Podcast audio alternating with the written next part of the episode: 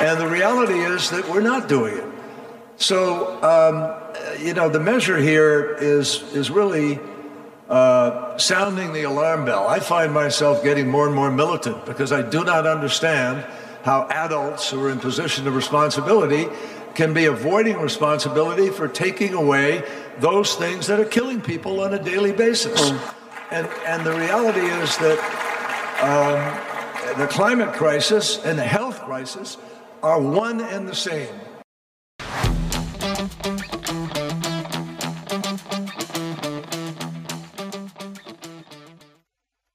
Ja, kära vänner.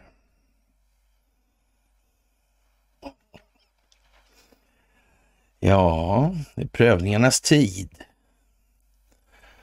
Allting går igen i tidens grums och mögel. Historien är gammal. Vasa stormaktstiden. Mm. När de fick pli på Karl XII, då blev det frihetstiden. Det innebar ju det då. Mm. Tänk det här svenska omskrivningen, motsägelsefullheten. Ska man säga någonting här måste man linda in det och tycka eller väcka folks känsla för att följa liksom ledtrådar. Det är som Smaug, liksom, när drakar är eh, eh, extremt giriga och älskar ordlekar. Mm. Men ordlekar går ju att använda som kommunikation, därför måste vi hantera språket. ja, ja, ja. De som implementerade frihetstiden. Ja, så kan det ju vara, ja. Astrea. Jaha. Astrea. Mm. Astra. Ja, inte Seneca. Rättvisa. Mm. Rättvisa. Sverige. Man har gjort så. Det är ju konstigt. Ja, Ronneby nu. Det är långt söderut. Det sträcker sig i nord-sydlig riktning förvisso landet, så är det ju. Och man får väl ta kanske sikte på Polstjärnan, ja. ja. Den svenska skolan går inte så bra. Nej, så är det ju. Folkbildningen går bra även om ibland kanske det kommer signaler om att omvärlden förändrar kravbilden på något fräckt sätt. Alltså, för jävligt det där alltså. Mm. Konstigt hur allt kan hänga ihop. Det gäller ju att se det också. Tack och lov så, ja, till och med Google rättar in sig lite va? Jag tror det. Bestämt. Det är den eh, 6 december 2023. Det är piglördag, kära vänner. Det är piglördag. Och på piglördag så har vi alltid ett onsdagsmys. Helheten liksom. Ja, det där är lite festligt faktiskt. Det måste man säga. Ja. I Sverige nöjde sig aldrig kungligheterna med att vara då tvetungade. De var tvungna att vara tretungade för säkerhets skull alltså. Mm, man kan säga så, alltså man vill vara lite fräck sådär alltså. Mm. Så är det ju. Mm. Fantastiskt det här måste jag säga. Idag så ska jag prata monetärmekanik. Vi har fått läxa helt enkelt, eller snarare bakläxa. Det gick så där på eh, opinionsbildningsklimattestet.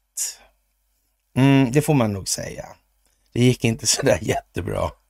Nej, det gjorde inte det. Men, men, då får vi ju ligga i lite mer. Vad som däremot är mer oroväckande det är att de andra inte tänker, de tänker på något vis inte gå lika djupt alltså. Alltså i rättvisans namn ska jag erkänna, jag kan hålla med om att det finns en poäng med att har man ställt till skiten alltså, va?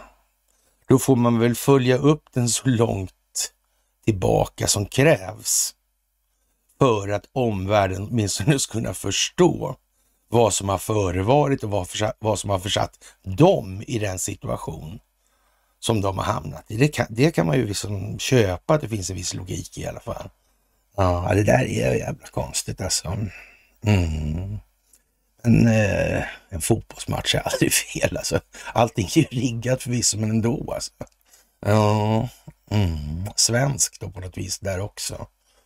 Ja, mm. och ja, han den där Tesla-pojken alltså. Mm. Lite techmiljardärvarning på honom nästan va? Kanske någon annan pool har så att säga verkat i saken eller kanske helt enkelt bara knyckt honom när han är färdigodlad. Så har ju de fått stå med, ja, mat och rum liksom. Mm. Ja, det vet man ju inte. Man kan ju till och med tänka sig att man har haft så stor koll på dem, att de har fått sköta den detaljen, för det har ju de vissa färdigheter i att göra. Och, och sen då har man vidtalat då vederbörande för att få fram en bra slutprodukt, som nu till exempel den svenska fackföreningsrörelsen. Mm. Det kan ju vara så. Och som alltid så ska jag väl efter den här drapan, inledningsdrapan då, så ska jag säga ett jättetack. Verkligen ett jättetack för att ni utgör den förändring som vi vill se i vår omvärld. Men ni får inte glömma bort att fortsätta att försöka utvecklas. För tro mig, när den första centralbanken bildades 1668, då hade man redan eh, liksom Ja, hade man klart för sig det här med att man kunde låna ut fler kreditivsedlar än vad man hade inlånade mynt i valvet då, sett i det nominella värdet då. Ja, kanske man hade alltså, och man tänkte nog inte göra någon andra miss alltså. Det, nej, det tror jag inte. Det där gick ju inte. Mm. Ja, institutionaliserad korruption ja. Det kan man väl säga är ett eh, anslag som heter duga ändå. För det måste man väl anse. Så, ja. Och som sagt, eh, det största av tack för gåvor på Swish och Patreon och för att ni fördjupar er på karlnorberg.se och för att ni hakar på telegramtjänsten. Mm. Det är ju så det som det här innebär någonstans när man ska reda ut det här så är det ju inte så enkelt som det har varit hittills eller i princip har varit att jag gör det här och, och drar fram ny, nya ledare efter nya ledare efter nya som sin vid och så vidare. Det är ju inte så liksom riktigt det kommer funka nu, utan nu jävlar gäller det att sätta fart på det här. För man måste förstå en del saker i det här och då är monetärmekanisk fundamenta inte det man kan helt enkelt inte ha för stora brister i det, för då hamnar man helt åt helvete i sin ja, omvärldsuppfattning i verkligheten. Det går inte. Man kan tycka vad man vill om det, men så är det i alla fall. Mm. Och det, det, är ju tråkigt. Men eh, den här Elon Musk då, han hänger ihop med ja, Dana White och, och Donald Trump och sådär. Mm. Och det är ju konstigt. Mm. Det är ju konstigt. Mm. Joe Rogan kan ha något om monetärmekanik. Är det någon som har pratat monetärmekanik på hans podd någon gång? Nej, det är det nog inte. Amerikanerna kommer ju lämna det där med att inflation, eh, de, de stannar på den nivån. Inflation är prishöjning, punkt slut liksom. Inget, inget jävla gyttrande i botten. Det får anstå så länge alltså. Det tar för lång tid alltså. Tyvärr har inte vi samma möjligheter i det här alltså. Uh. Vi måste om inte annat förklara för vår egen befolkning varför vår historia ser ut som den gör. Enligt beskrivningen också. Mm. Eller inte bara enligt beskrivningen. Och Dana White han backar fullkomligt klart upp Elon Musk mot censurglada sponsorer. Ja, det finns något klipp där på Dana White. Han, det var liksom middlefinger viftande där alltså. Mm. Inte mot Musk, men mot censurglada sponsorer. Det är klart. Ja, ja. Mm. Men hur ska man få så jävla många människor som behöver stå där och lyssna? Ja, Joe Rogan är inget dåligt alternativ, det är helt säkert. Ja. Så är det ju. Men Joe Rogan kan massor om en massa saker. Och, och ja, precis. Så är det ju. Och det är kanske en bra förutsättning faktiskt. Att ha tillräcklig vidd på perspektivet. För att ha omgivande förhållanden klara för sig. Mm. Det är ju kanske bra att tänka på faktiskt. Och det är så konstigt med det här folkbildningsprojektet i den meningen att eh, det börjar bli så oerhört jävla motsägelsefullt. Och då förväntar man sig ju kanske då att det ska bli, eh, eller i vart fall jag har en tendens att göra det, att reaktionerna ska bli lite annorlunda än vad de faktiskt blir hela tiden. Det tycker jag är konstigt. Men, men det är klart att det är, det är mycket lättare att, att möjligen veta vad någon tänker än att veta allt den inte tänker på. Det, det, det är så också. Så det är inte... Men ändå alltså. Ja. Och Vladimir Putin kommer inte dyka upp under COP28-mötet. Nej. Men, men däremot ska han besöka Förenade Arabemiratens ledare Mohammed bin Zayed Al Nahyan för ett möte på tu man hand. Han kommer ja, häpnadsväckande nog även att besöka Saudiarabien för ett möte med kronprinsen Mohammed bin Salman för att diskutera oljeproduktion samt krigen i Ukraina och Gaza. Ja. Och ingen av de oljenationerna har eh, anslutit sig till de 123 eh, länder där den ryska presidenten är efterlyst. Ja, om oljeländerna eh, de klarar av att handla med varandra och för sin självförsörjning kan ju vara så också. Ja, det är ju märkligt alltså. Mm. Det är märkligt, märkligt. Undrar hur det där kan bli alltså. Mm. Och eh, han riskerar inte att bli gripen här under de här besöken då. Och ukrainska klimataktivister som besöker det här mötet uttrycker stark vrede mot att Putin tillåts gästa landet under klimattoppmötet. Ja. Ja, ja, ja, ja. Det är hyckleri tycker de, att han behandlas som en kär gäst. Ja, det kanske är det. Jag vet inte. Det beror ju lite på hur man tar utgångspunkt i sin betraktelse av ett förhållande. Mm. Tyvärr är det här någonting som lyser igenom. Där lyser det igenom rätt så tydligt. Det här är störtlöjligt och dumt och så vidare.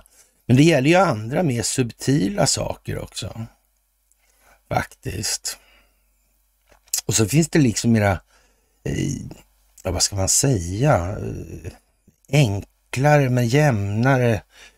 Ja, man, man kan bara följa samma kurs på det så ser man att det blir något konstigt. Och, och, vi har ju några sådana skribenter som vi tar hela tiden för att mäta temperaturen då så att säga. Eller ja, lite ja, hygrometer nästan skulle jag säga, eller barometer kanske. Mm.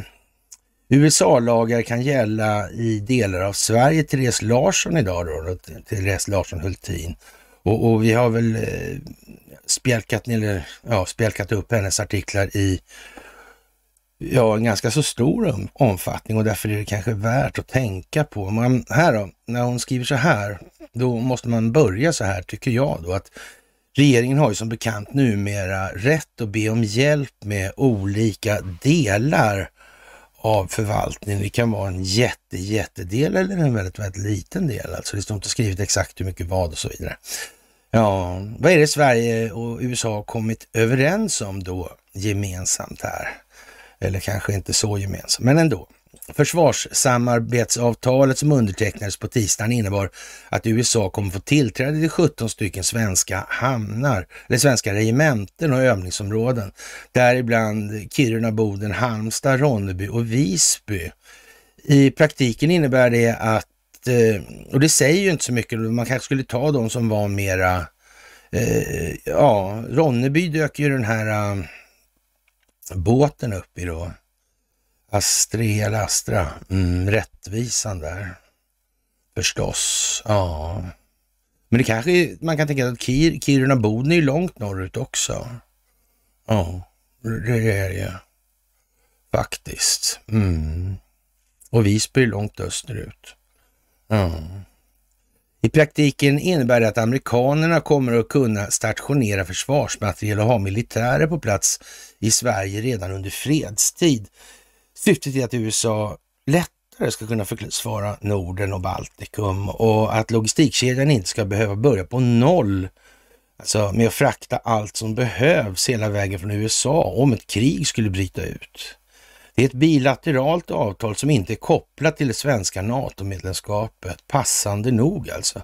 Även om det självklart är det faktum att vi kommer att gå med i alliansen som gjort att det har tagits fram. Ja, då kan man ju säga att då är det ju han då med det här med proposition 74 med förvaltningsassistans då. Norge har ett liknande avtal, men där handlar det om fyra baser som amerikanerna har tillgång till. Eh, även eh, Finland och Danmark håller på att förhandla fram samarbetsavtal med USA. Det verkar dra ihop sig. Oj, nu var inne. Ja. Mm. Blir det en massa amerikanska soldater i Sverige nu då? Nej, det tror inte Therese. Att det, det, är så många som eh, 17 baser som omfattas beror på att Sverige är ett stort land och att man vill skaffa sig handlingsfrihet. Ni ser vilken begreppsanvändning som har utvecklats här plötsligt. När jag häromveckan talade med en svensk expert inför avtalet antog han att det i praktiken kommer att bli två, tre platser där materiel förvaras så att den personal som främst kommer att vara stationerad i Sverige är olika stabsfunktioner, inte stora mängder av amerikanska soldater med andra ord.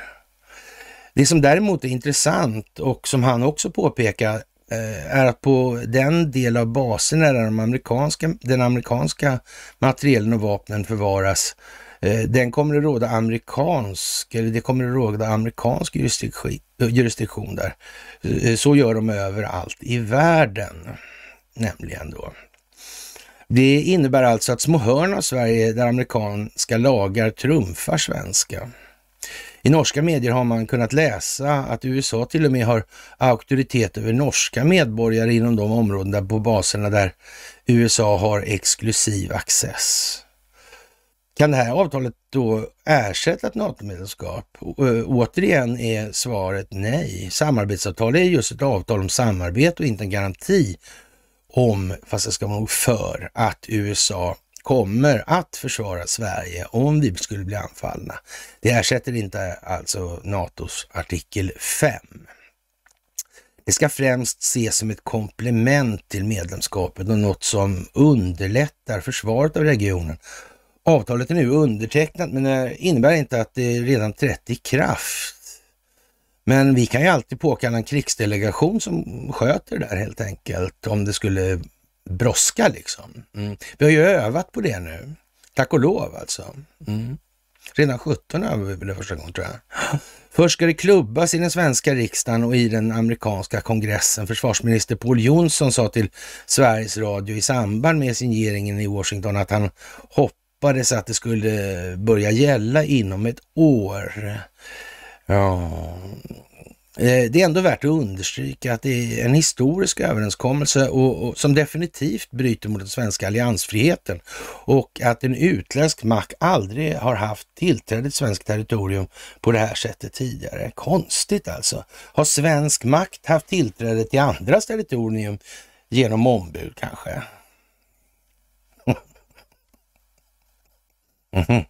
Mm. Mm. Så kanske, ja ja. Man vet ju inte riktigt alltså. Det är ju fantastiskt konstigt. Måste jag säga. Mm. Ja, vad månde bliva av det här då? Vad månde bliva? Ska vi gissa på att det blir så, när den här delegationen träder fram i dagens ljus då, i den mån den inte är redan igång då för att minska möjligheterna till interferenser då. Så i alla fall så kan vi säga så här att öppet kommer det nog bli ungefär när det spårar ur öppet i USA med, ja, möjligen här underlivsporslins, redan med här underlivsporslins, ja, vad ska man säga? Ekonomiska förehavanden. Ja, kanske det kanske. Eller rena missfälligheter gentemot den amerikanska befolkningen eller hur man vet. Kanske inte riktigt sådär. Nej, det är inte så tydligt alltså längre. Nej. Nej. Det är konstigt. Då blir det väl tomt och Sen blir det väl, hur det nu blir, drömscenariot är ju bara in med Michael där då. då. Men det vet vi ju inte heller. Va? Och det måste man hålla Men, men eh, ja, eh, upptrappningen där, kriget, jag vet inte. Mm. mm. Ja, det beror ju på liksom. Man, man måste, och det kommer man ju mäta av under tiden, ungefär som man mätte det här med de här felsaldorna på kontona som dök upp en par triljoner här och där och så vidare. Men resonemangen kring det ska vi återkomma till i det här. Men det blev inget bra utfall i alla fall, det är jag helt säker på. Mm. Så för den här, den, mm. Men det ska naturligtvis mätas av och taktas mot det rådande klimatet i alla koordinerade länder då. Mm. Så är det ju faktiskt. Mm. Ja, ja, man blir aldrig profet på egen gata kan man ju säga också. Ja. Man, eh, ja, som sagt, eh, det är lite olika det där. Och, och eh, det blir lite olika tolkningar naturligtvis. Och, Uh, ja, det här att försöka göra det här till en fråga om länder. Ja, men det blir helt galet liksom. På det viset. Alltså, du, nej, men då finns inte den djupa staten alltså. För då kan det inte vara en fråga om länder. Länder är kulisser i den meningen ända sedan, ja, ska vi säga? Ja, vi kan väl säga i princip då sen Gustav Vasas dagar kan vi väl säga. Det är väl ungefär så illa det är. Eller man kan ju vara lite taskig och säga det var väl aldrig fråga om länder på BJ ja, Johnsons tid alltså. Mm. Bo Jonsson Grip liksom. Ja, ja. Jag undrar vad den där gripen är för någonting. En blandning av ett lejon och ja, någonting annat alltså. Konstigt. Var det girighet kanske det var? Jag vet inte. Märkligt alltså. Mm.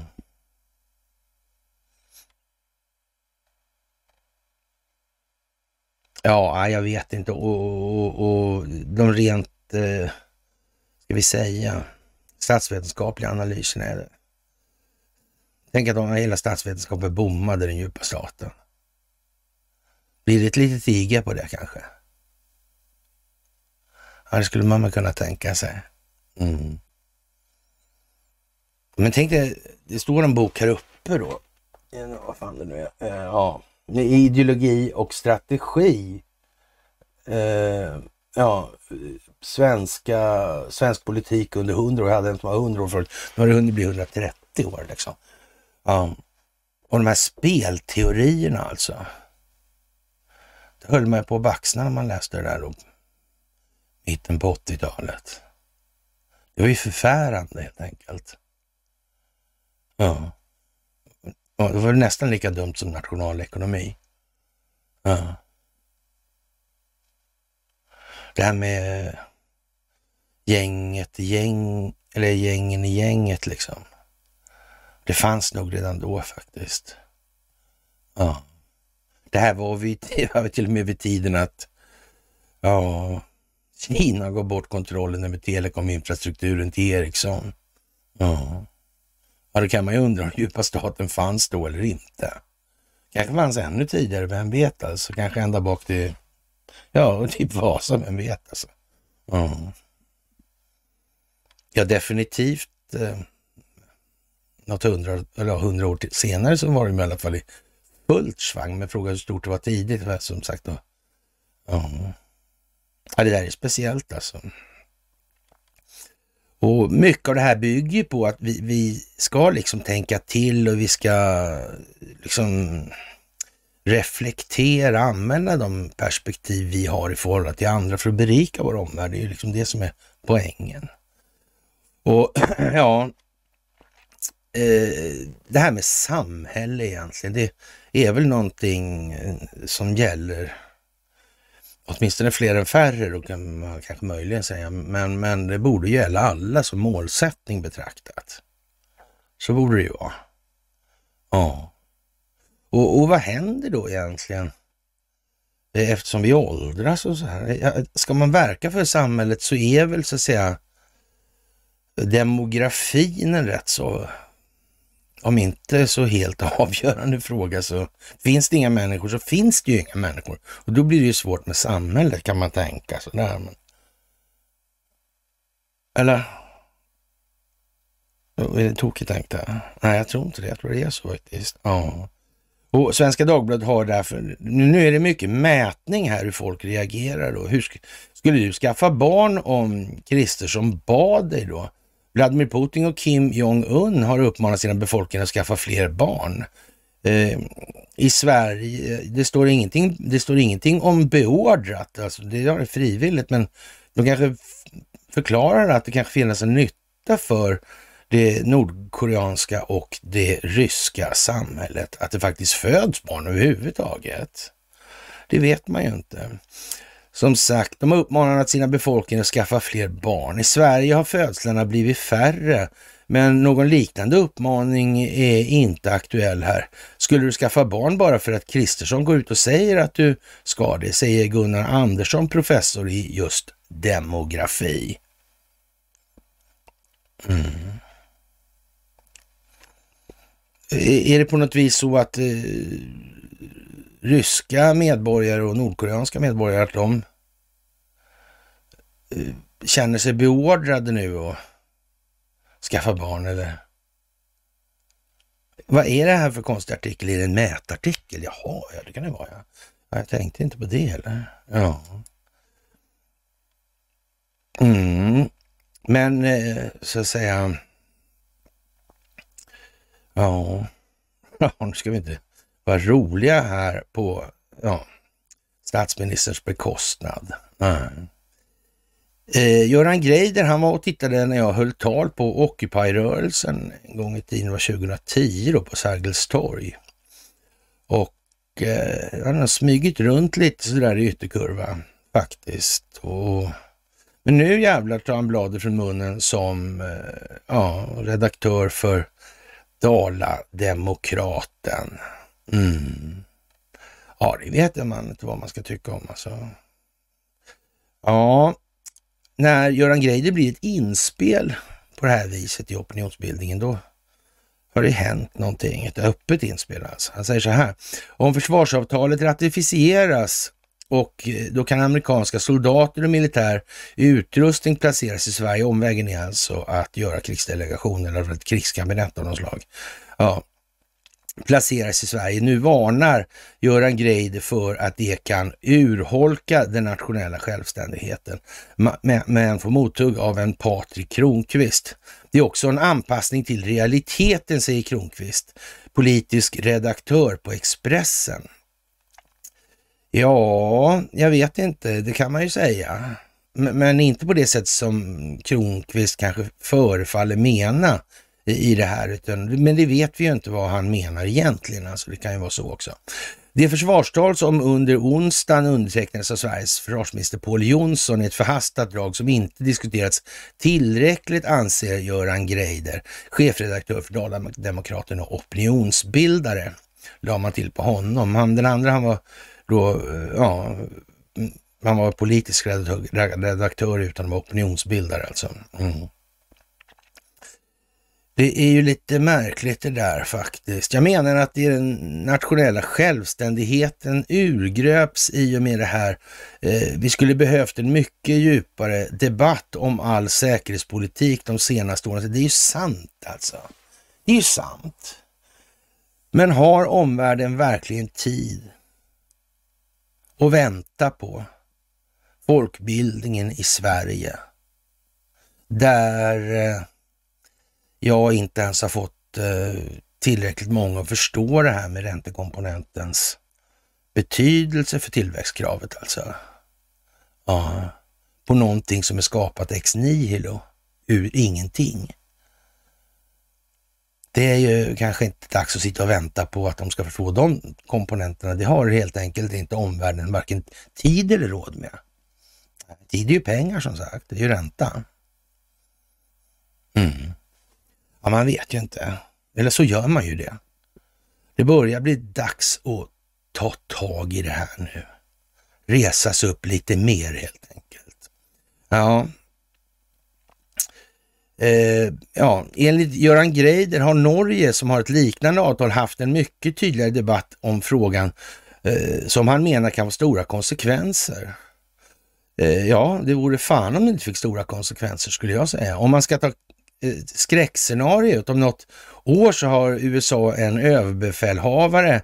Presidenten är överbefälhavare i USA, redaktionens anmärkning. Ja, så ni förstår. Ni vet ju i alla fall sådana här saker. Och som heter Donald Trump som faktiskt har inflytande över vad som äger rum på svensk mark, säger han. Och, och, eh, Det är väl lite grann det där med, med nu kan inte Göran Greider säga att det varit valfusk, man får ta en sak i taget.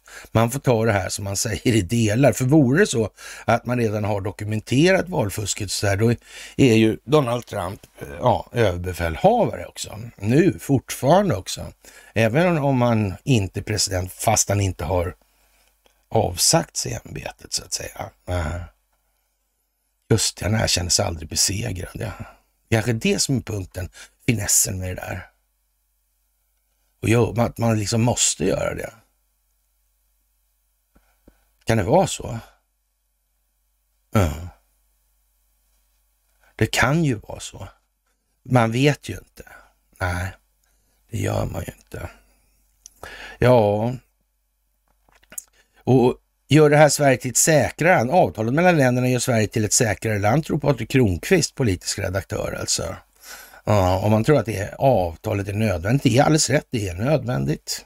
Ska man komma åt det här och har man inte tid att vänta på att alla svenskar, eller tillräckligt många svenskar ska förstå tillräckligt mycket, ja då är det ju så.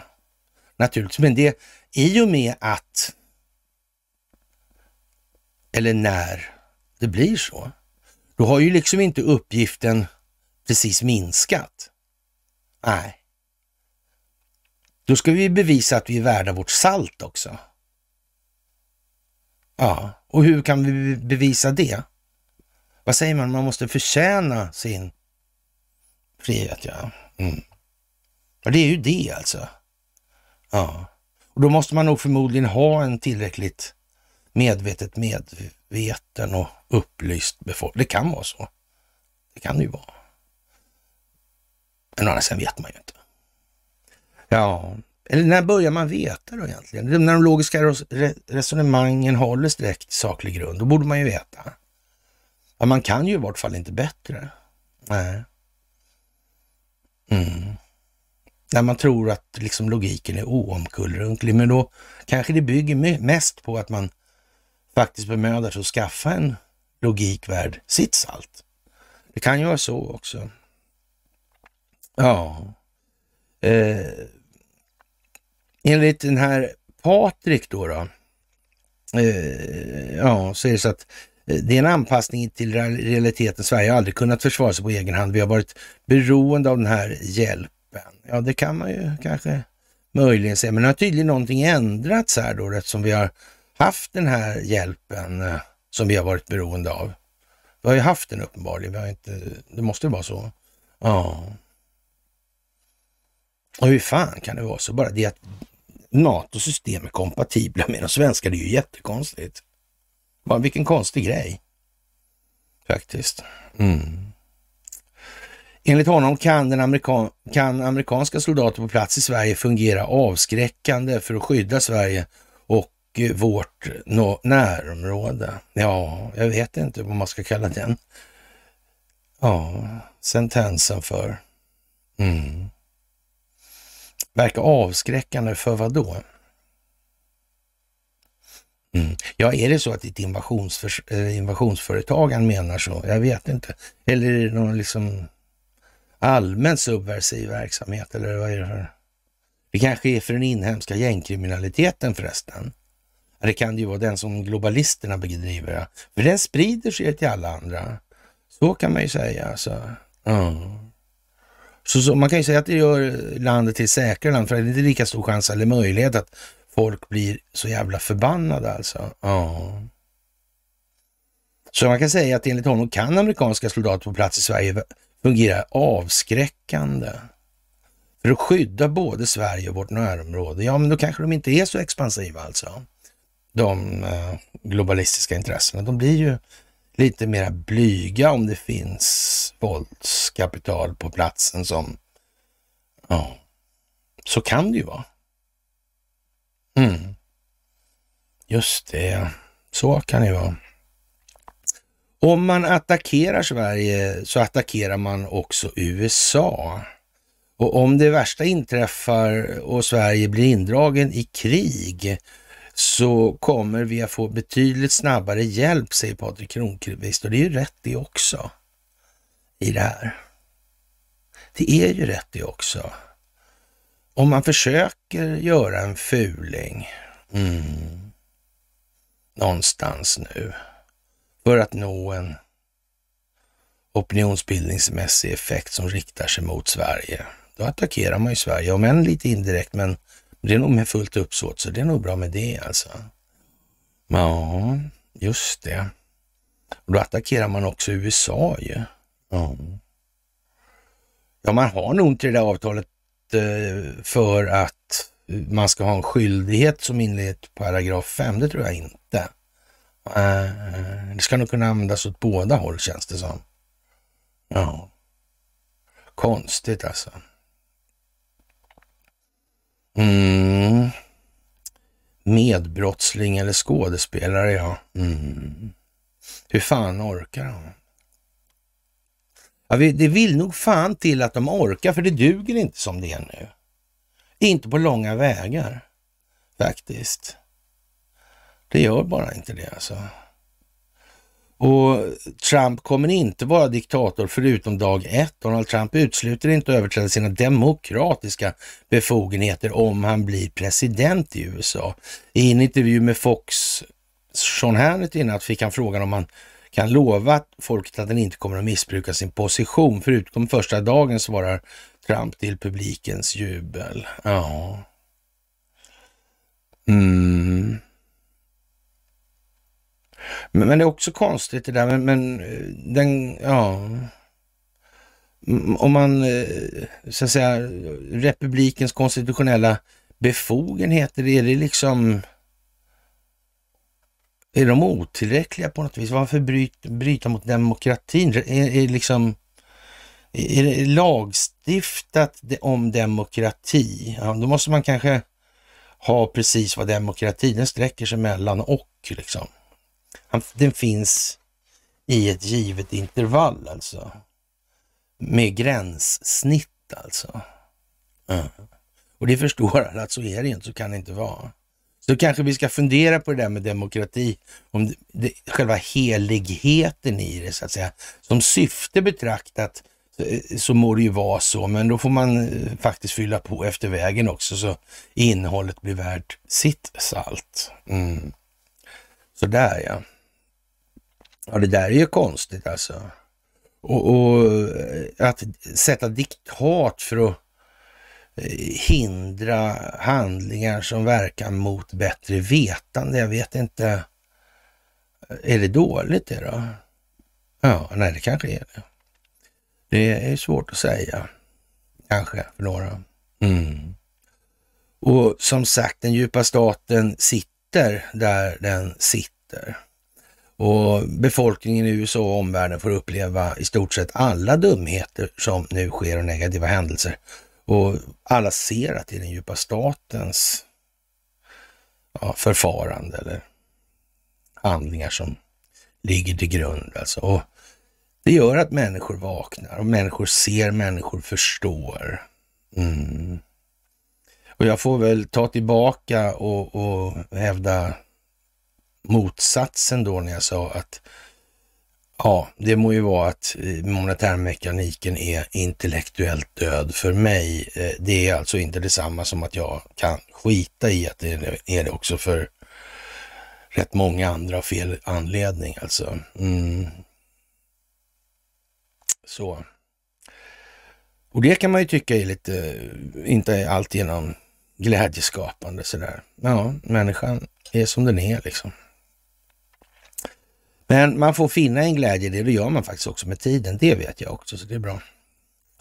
Och man gör nu sådana här upplägg då för att kunna matcha händelseförlopp som kommer parallellt, som skapar effekter som gör att man, ja så att säga, har nytta och det verkar precis som att man är, jättesmart på att tänka och, och sådana här grejer, men det är alltså riggat och regisserat alltihop det här avtalet och att vi inte är med än och så vidare och så vidare. Mm.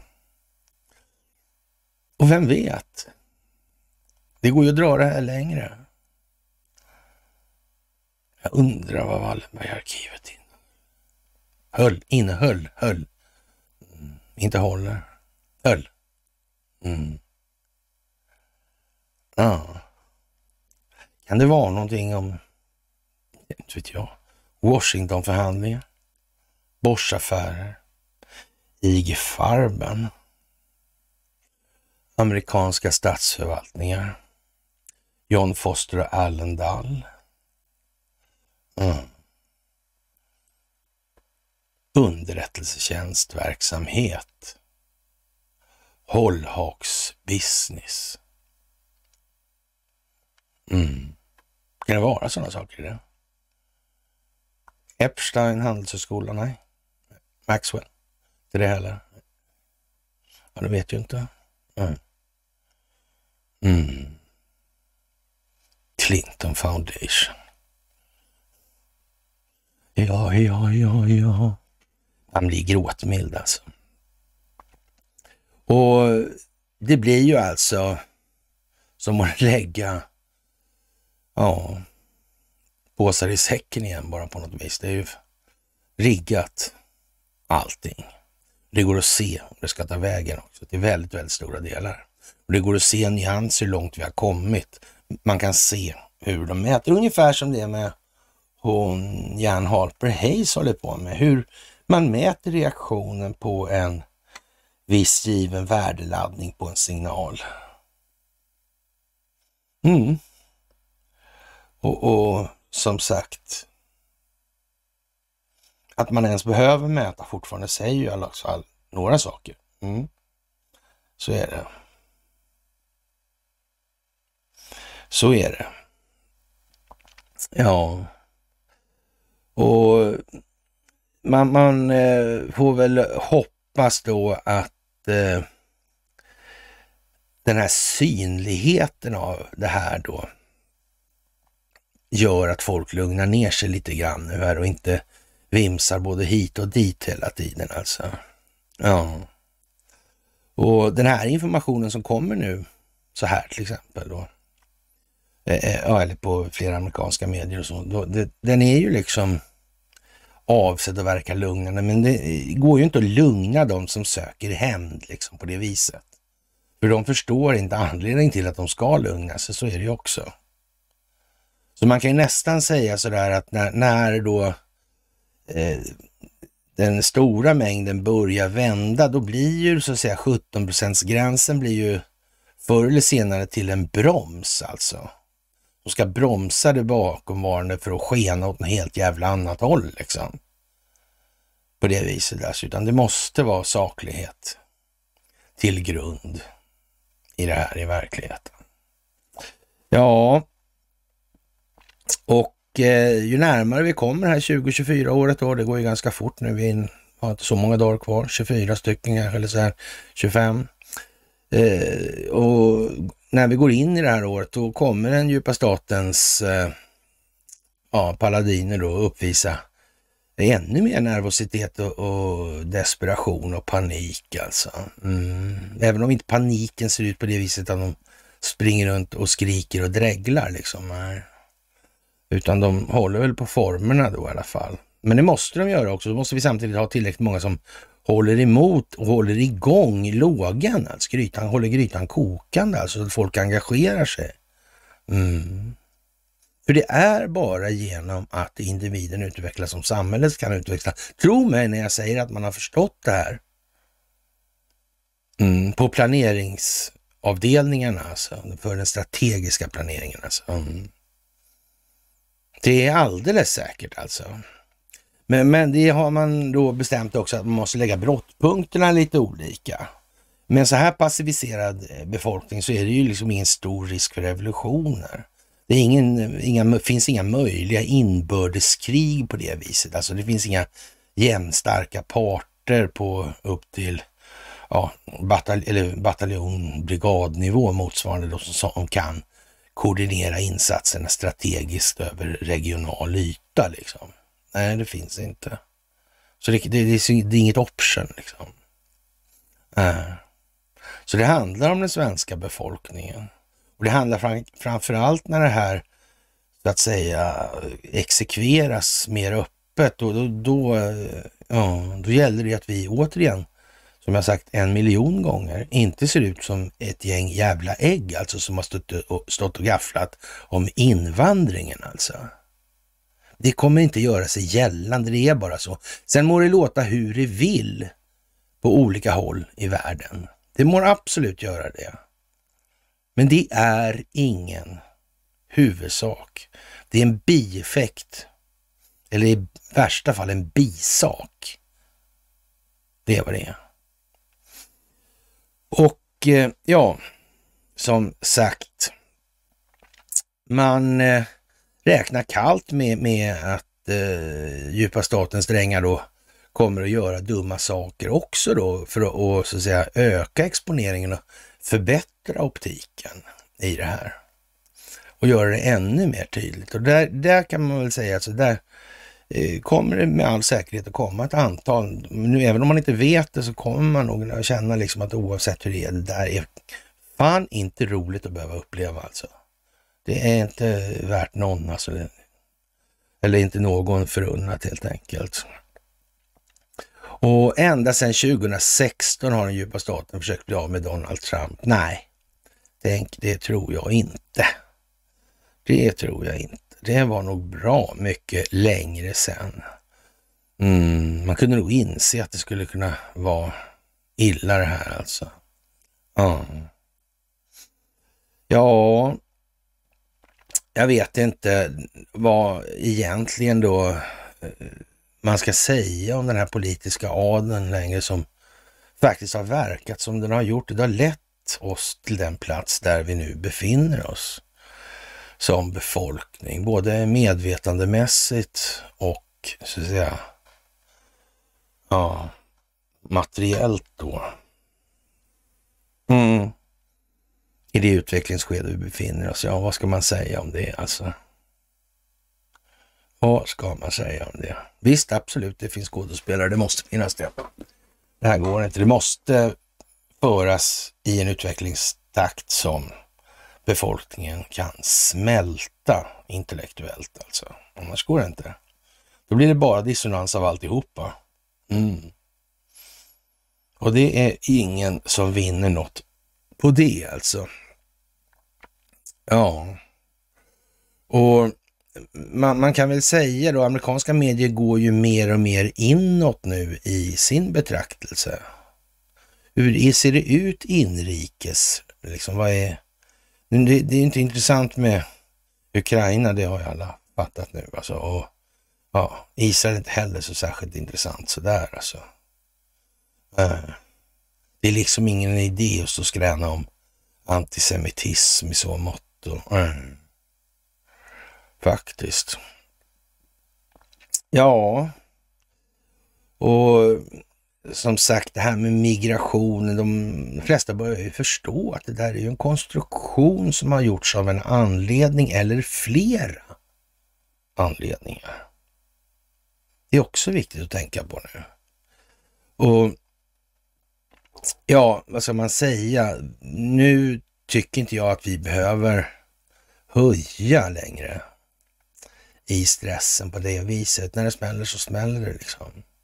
Vi måste se till att ha en tillräckligt balanserad spets i det här istället.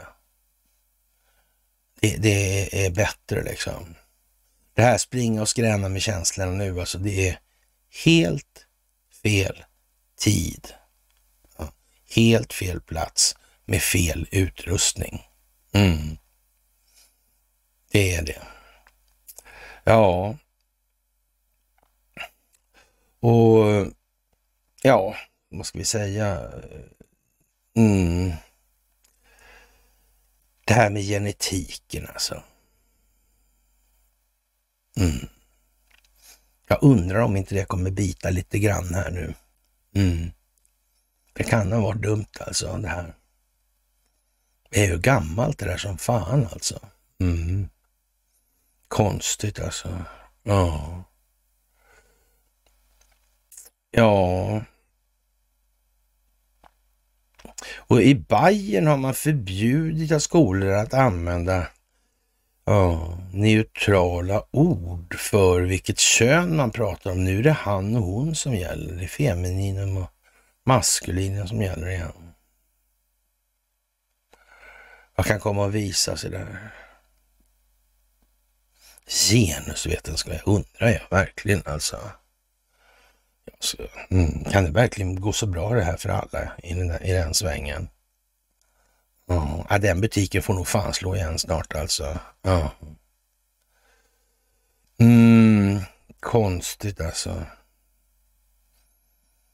Mm. Ja, det är spännande att se alltså när det här så att säga, för det kommer ju beroende på en massa andra händelser så, så inte minst då den inrikespolitiska stabiliteten i USA kommer ju att användas som hävstång, alltså momentarm, för att skapa ett momentum i en given bestämd och avsedd rörelseriktning.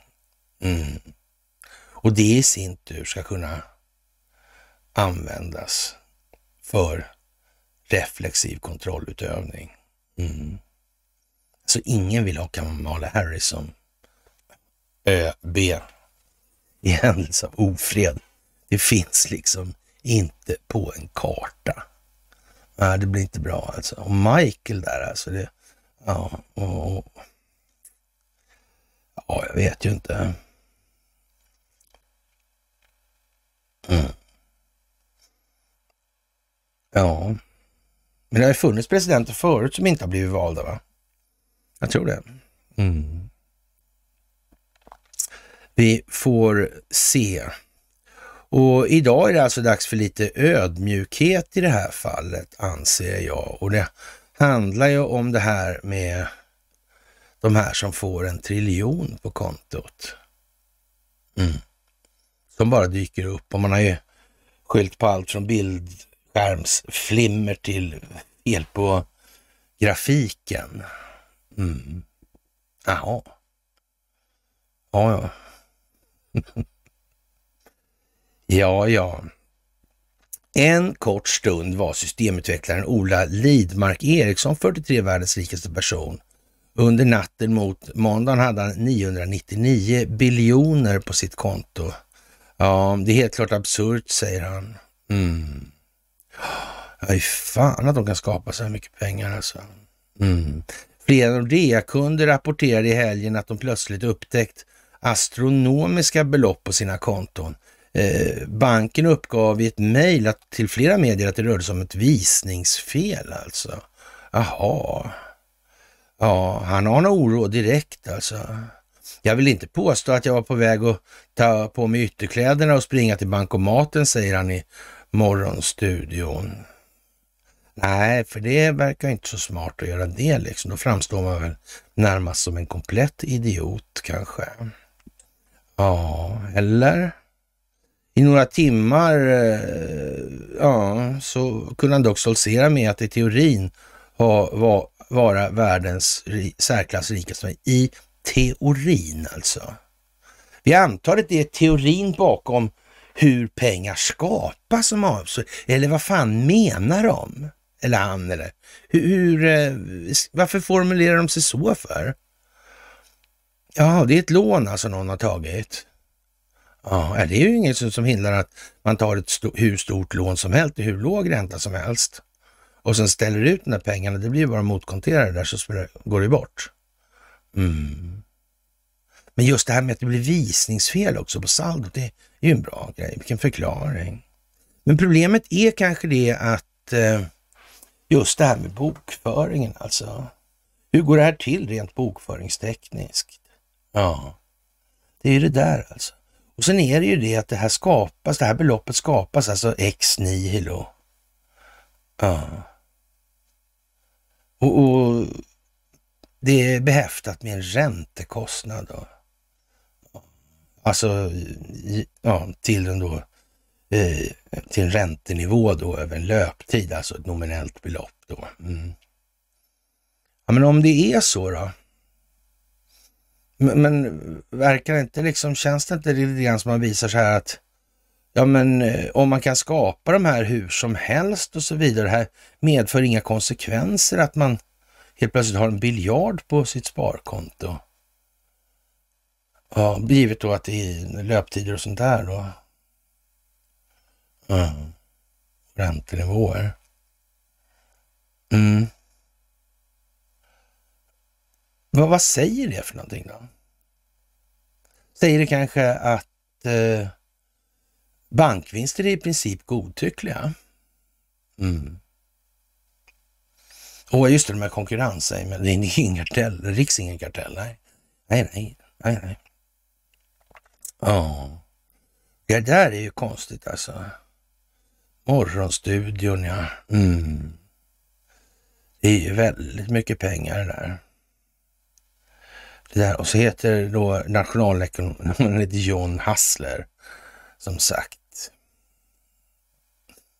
Inte ens en bakfull Conny kommer på det skämtet alltså.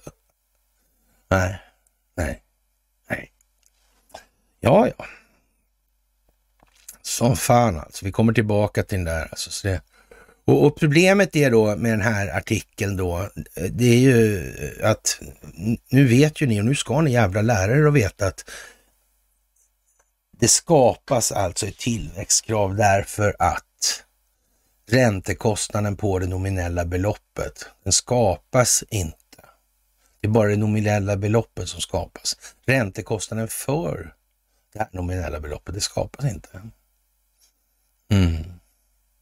Det blir liksom ett ackumulerat underskott. Ett växande ackumulerat underskott alltså. Mm. Och i en viss punkt där, när tangenten till den här kurvan lutar 45 grader, då når man skuldmättnadspunkten. Det går lika mycket finansiell kostnad till produktiv realvärdeskapande nytta. Mm. Men sen så blir det mera finansiell belastning och mindre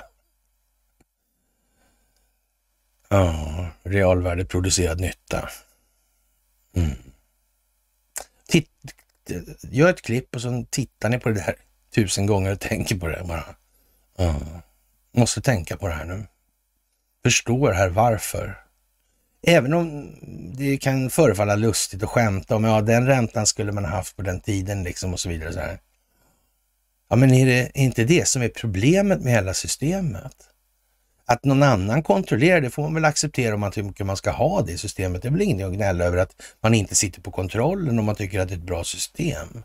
Om man vill ha räntan, då tycker man ju att det är ett bra system. Eller tänker man att bara jag ska få ränta? Tänker inte alla så? Då? Eller många så ens? När ska vem få räntan och hur många ska få räntan och varför då? Helt enkelt. Ja. Det är ju det alltså. Det är ju det. Mm. Konstigt. Och det här är ju liksom helt otroligt avgörande att förstå vad som är det här problemet. Och amerikanerna har ju vänt på det här då. då. Och det kan man ju se som ett tecken på att eh, ja, de kommer stanna vid, vid att eh, inflation är prishöjning i den meningen. Så alltså. Och därför säger man ju också att i, istället säger man så här att eftersom inflationen kommer på en, eh, så att säga, ett nominellt belopp då, om vi säger som så, så, så blir det ju det nominella beloppet plus räntan nästa år då, då som blir det tredje årets räntekostnad då. Mm. Det är ju liksom lite så man får tänka. Och det, det, det är ju liksom lite pedagogiskt trist att konstatera att äh, Nej, det finns ingen tid där att göra det här så. Men det är lika förbannat så att för man ska kunna ha ett system som verkar för samhällets långsiktiga hållbarhet, då måste många fler förstå varför man måste ha det på mekaniska grunder till att börja dagen med. Det är ju så liksom. Ränta är ingen produktiv grej. Jo, det är en morot, säger en del. Men yes, liksom. Ja. ja. Men vad är moroten för en kannibal liksom? Hur svårt ska man behöva göra det liksom? Fattar du eller? Så. Ja. Det är lite sådär och, och, och, och alltså så kvaliteten på kommentarerna är ju liksom eh, varierande kan vi säga i alla fall. Ja. Och, och ja, och, och det kommer olika långt liksom. Sådär, och, och, vad händer med pengarna efter att banken insett och, och det här då? då?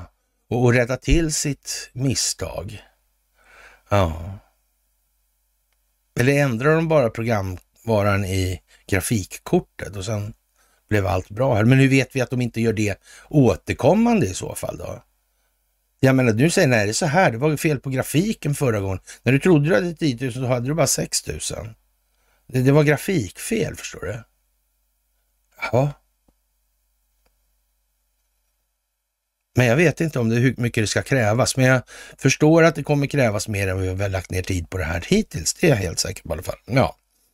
Och eh, visningsfel, ja de är för roliga. Va? Så hade, de, hade de kodat om det då plötsligt eller hur gick det där till liksom? Och ja, och varje dag är det nya visningsfelsbiljonärer i arbetarklassen. Och, ja. Och, och ja, det, det är ju som sagt eh, det kan ju användas på många sätt det här naturligtvis. Man, ska, med, med, man har lite fantasi på det viset. Och, mm. Men som sagt, det är lite, eh, det är stressande kanske. Men det är i vart fall inte helt nöjaktigt det här med att man, man ser ju hur skämten går. Det speglar någonstans hur man ser på den här frågeställningen. Vilken utgångspunkt man har för sitt ställningstagande till den här frågeställningen i sig. Mm. Och, och, där, ja, Eh, jag, jag hyser som sagt inga tvivel om att vi kommer få städa vår egen skit alltså. Och det är klart, har det här suttit där här sedan ja, 1500-talet, storleksordningen och andra länder kanske har levt, kanske eller funnits på, på 200 år, då är det klart att en, en viss eh, kulturpsykologisk variation uppträder då. Förmodligen. Ja, jag gissar det i alla fall. Ja, och men det är klart alltså, men, men ha nu lite ödmjukhet inför att det här är faktiskt en bra så jävla mycket mer allvarlig fråga än vad folk har förstått sett till reaktionerna, alltså kommentarer, trådar och sådär, på de här inläggen. Det är gravallvarligt alltså. Och att vi får det i vårt jävla knä med de här. Ja, det är bara vad det är. Och, och vi har haft den första centralbanken och vi har liksom eh, bisatt en hel del och, och så. Mm. Vi saknar inga kontakter i Warburg-familjen. Eller vi och vi och vi liksom. Nej. Jag vet inte. Det är många plan som svenska befolkningen måste resa på sig som individer. Mm. Och man ska också ha klart för sig att i och med den här globalismen har lyckats breda ut sig, över, breda ut sig över världen som den har gjort, alltså då sätter det också någon form av signum på hur befolkningen här har varit konstituerad som har tillåtit att det här har skett utan en liksom, ja men vad trevligt, ska ni dra eh, krig över oss också? Ja men det var väl nice så. Mm. Blodiga svensken. Han är ju liksom så klippt och skuren för den här rollen nu. Ja, det måste man säga. Mm. Eh, ja, som sagt, eh, det borde ju vara så att ingen vill ha de där jävla pengarna. Allra minst i stora ansamlingar. Det borde ju vara så alltså. Det är lite som Schwab säger. Även om jag inte alls tror på att det går så långt så att så många förstår så mycket att de inte äger någonting och är lyckliga. Så bra tror inte jag att det blir alltså. Det här svenska ägandet, det sitter djupt alltså. Mm. Det sitter djupt. Mm. Men det är som det där med barnen. Ja. Vill man ha ett samhälle? Nej, bara jag får det. Ja, kan... Ja, liksom. Ja, ja, ja, ja. Men då ska man kanske prova det här. Men Eh, då, då har du den inställningen så får du visa det genom att bo några år som är remit alltså, eller sådär. För jag tror, vi tror inte riktigt på att du är så jävla dum liksom. Det, det verkar ju jättekonstigt. Alltså det är bara att, att plocka ner det här i eh, hanterbara delar som man då kan motivera till saklig grund. Ja. Det är liksom inte annat, det är inte mer komplicerat än så. Jaha, Postnords VD i Sverige avgår med omedelbar verkan. Ja, det kan man ju tänka sig. Det har ju gått fantastiskt det där. Och, ja, eh, jag vet inte vad fan man ska säga alltså. Och så har vi den här äh, madammen i Svenskan där, Eh, kulturmänniska och, och, jag vet inte vad jag ska säga egentligen. Jag ty tycker hon är rätt bra ofta och här har hon faktiskt idag har fått en fråga då i det här. Och det är hon som där. Och ja, de har fått en fråga varför är det tillåtet att sälja sex men straffbart att köpa. Det måste vara en av de få tjänster där denna affärsrelation existerar. Vi ska komma tillbaka till monetärmekaniken flera gånger och till, till NATO-avtalet också, för det måste liksom gå in här nu. Eh, när jag får en fråga om jag precis, och förklara varför medierna som de uttrycker som de gör också i det här. Eh, Ja, när jag får en fråga har jag precis stängt av radion och min första, det här har inte med det att göra, men eh, Impuls i Europa. Lyssna på Maria Svelands P1-dokumentär om porrbiografen Blue Vision så förstår du vem som är offer och vem som ska straffas. Och, och det är självklart att det är så det måste vara. Det är också utifrån det perspektivet vår lag är utformad, tänker jag, från viljan att kriminalisera allt man vill bli av med i samhället för att komma till rätta med problemen. Eh, problemet med lagar är dock att, de säll, att det sällan är så enkelt. Och den liberala ideolo ideologen i mig rasar, störs över lagens ideologiska kullerbyttor och tycker att den är ett steg tillbaka för den feministiska rörelsens kamp. Och det är lite grann samma tema som det här med eh, barn.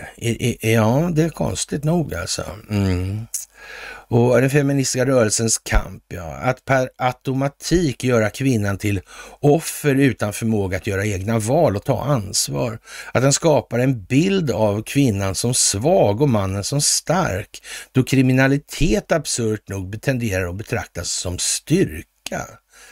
Trots att i många fall eh, säkert är tvärtom. Tänk bara på Frödings rader. Eh, tänk dem alltså. Jag köpte min första, eller köpte min kärlek för pengar. För mig var ej annan att få. Ja, kriminalisering är dessutom ett särskilt trubbigt instrument när det gäller mänsklighetens drifter som verkar vara eviga. Tänk de här primära känslorna, var de hör hemma. Liksom. Konstigt, de verkar upptäckt det även på Svenska Dagbladet nu alltså. Resultatet blir ofta en större svart marknad som flyttas till mer ljusskygga platser med större risker för de mest utsatta. Många länder har också valt en annan väg och istället legaliserat, vilket faktiskt såväl Amnesty International, Human Rights Watch och WHO förespråkar. Ingen entydig forskning finns dock. Men samtidigt bör man också ställa frågan vad syftet är med våra lagar. Är det genom straff försöka förändra mänskligt beteende eller peka ut en etisk kompass för samhället? Markera vad vi finner acceptabelt och inte? Eh, ja, oavsett lagen, om lagen i praktiken kommer att förändra något. För prostitution verkar alltid ha funnits och kommer troligtvis alltid att finnas. Men vi anser det därmed vara rätt. Nej, det vet jag inte. Ja, ska en man, för det är oftast en man, ha rätt att köpa en kvinnas kropp? Ja, och om kvinnan vill sälja den så verkar det inte så här tid, och, men man får vara överens om till vad man har ändå kanske, lite sådana där detaljer, annan affärsetisk, ja. Sådär, ja men det skulle väl kunna vara tillåtet. Mm. Ja, men det går väl bra att ta och fota med biltelefon liksom med sån här med någon digital signatur på. Så. Mm, alltså det används för utpressning. Mm. Ja, ja. Mm. Ja, man vet ju inte. Mm. Faktiskt. Kanske behöver någon instans i ett samhälle vara moraliskt rättesnöre. Ja, det kanske inte behöver vara rättesnöre, men i alla fall eh, upplysande om vad som är den mer rimliga vägen sett till allas bästa. Och, och sen får naturligtvis vederbörande ta ställning till om vad den vill verka för allas bästa eller någonting annat i den meningen. Och då till slut så upptäcks det då förmodligen då att eh, det finns individer eller, eller ja, objekt i samhället som, som bedriver rovdrift på allt den, kommer, allt den har möjlighet att göra på, då får man, eller, får man väl stifta lagar mot det då. Mm. Att man inte får trampa på andra hur som helst, helt enkelt. Inskränka deras fri och rättigheter. Men jag tror att man måste ha ett rättssystem i botten då, alltså annars blir det jättesvårt. Alltså. Ja, det kan man kanske tänka sig. Och kanske är det så att juridiken har fått ta den rollen sedan kyrkan förlorat sin makt. Men frågan är om det är det bästa. Ja, det beror ju på rättssystem, det bästa rättssystemet vi kan prestera så är det i alla fall inte det sämsta rättssystemet. Så det kan man väl, om man ska tro på att landskap och lag bygga, vilket är ytterligt tveksamt. Men eftersom slutmålet är att det inte ska behövas några lagar alls eftersom alla förstår tillräckligt mycket för att kunna leva i samverkan.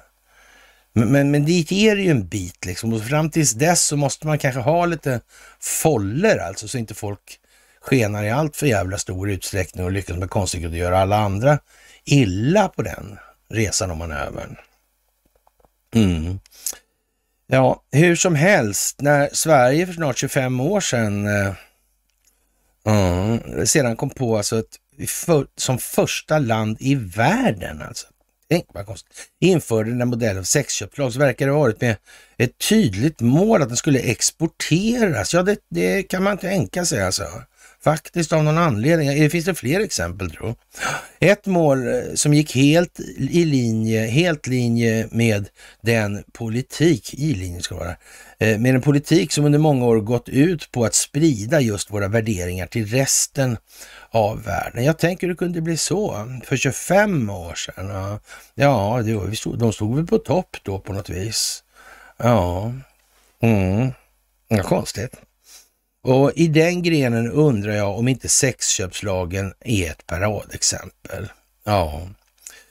Eh, för det finns nog få så tydliga exempel på hur samhällets institutioner i krocken mellan de fina orden och den krassa verkligheten tvingas ner i spagat och skapar en helt egen genre av svart humor. Ta bara det här med skatten. En kvinna som tjänar pengar eh, på, på prostitution enligt svensk lagstiftning skyldig att betala skatt. Ja, och kan, vilket enligt organisationen Talita eh, har hänt, eh, debatt, de, eller Svenskans debatter och 27.11.23 av Skatteverket uppmanas att starta ett eget företag alltså. Ja, får den heta horfirman också? Jag vet inte. Ja, samtidigt som eh, eh, hennes affärsmodell indirekt kräver att hennes kunder begår ett brott och får hon betalt så måste hon betala sin skatt. Med andra ord ett slags sofistikerad statlig penningtvätt, alltså pengatvätt.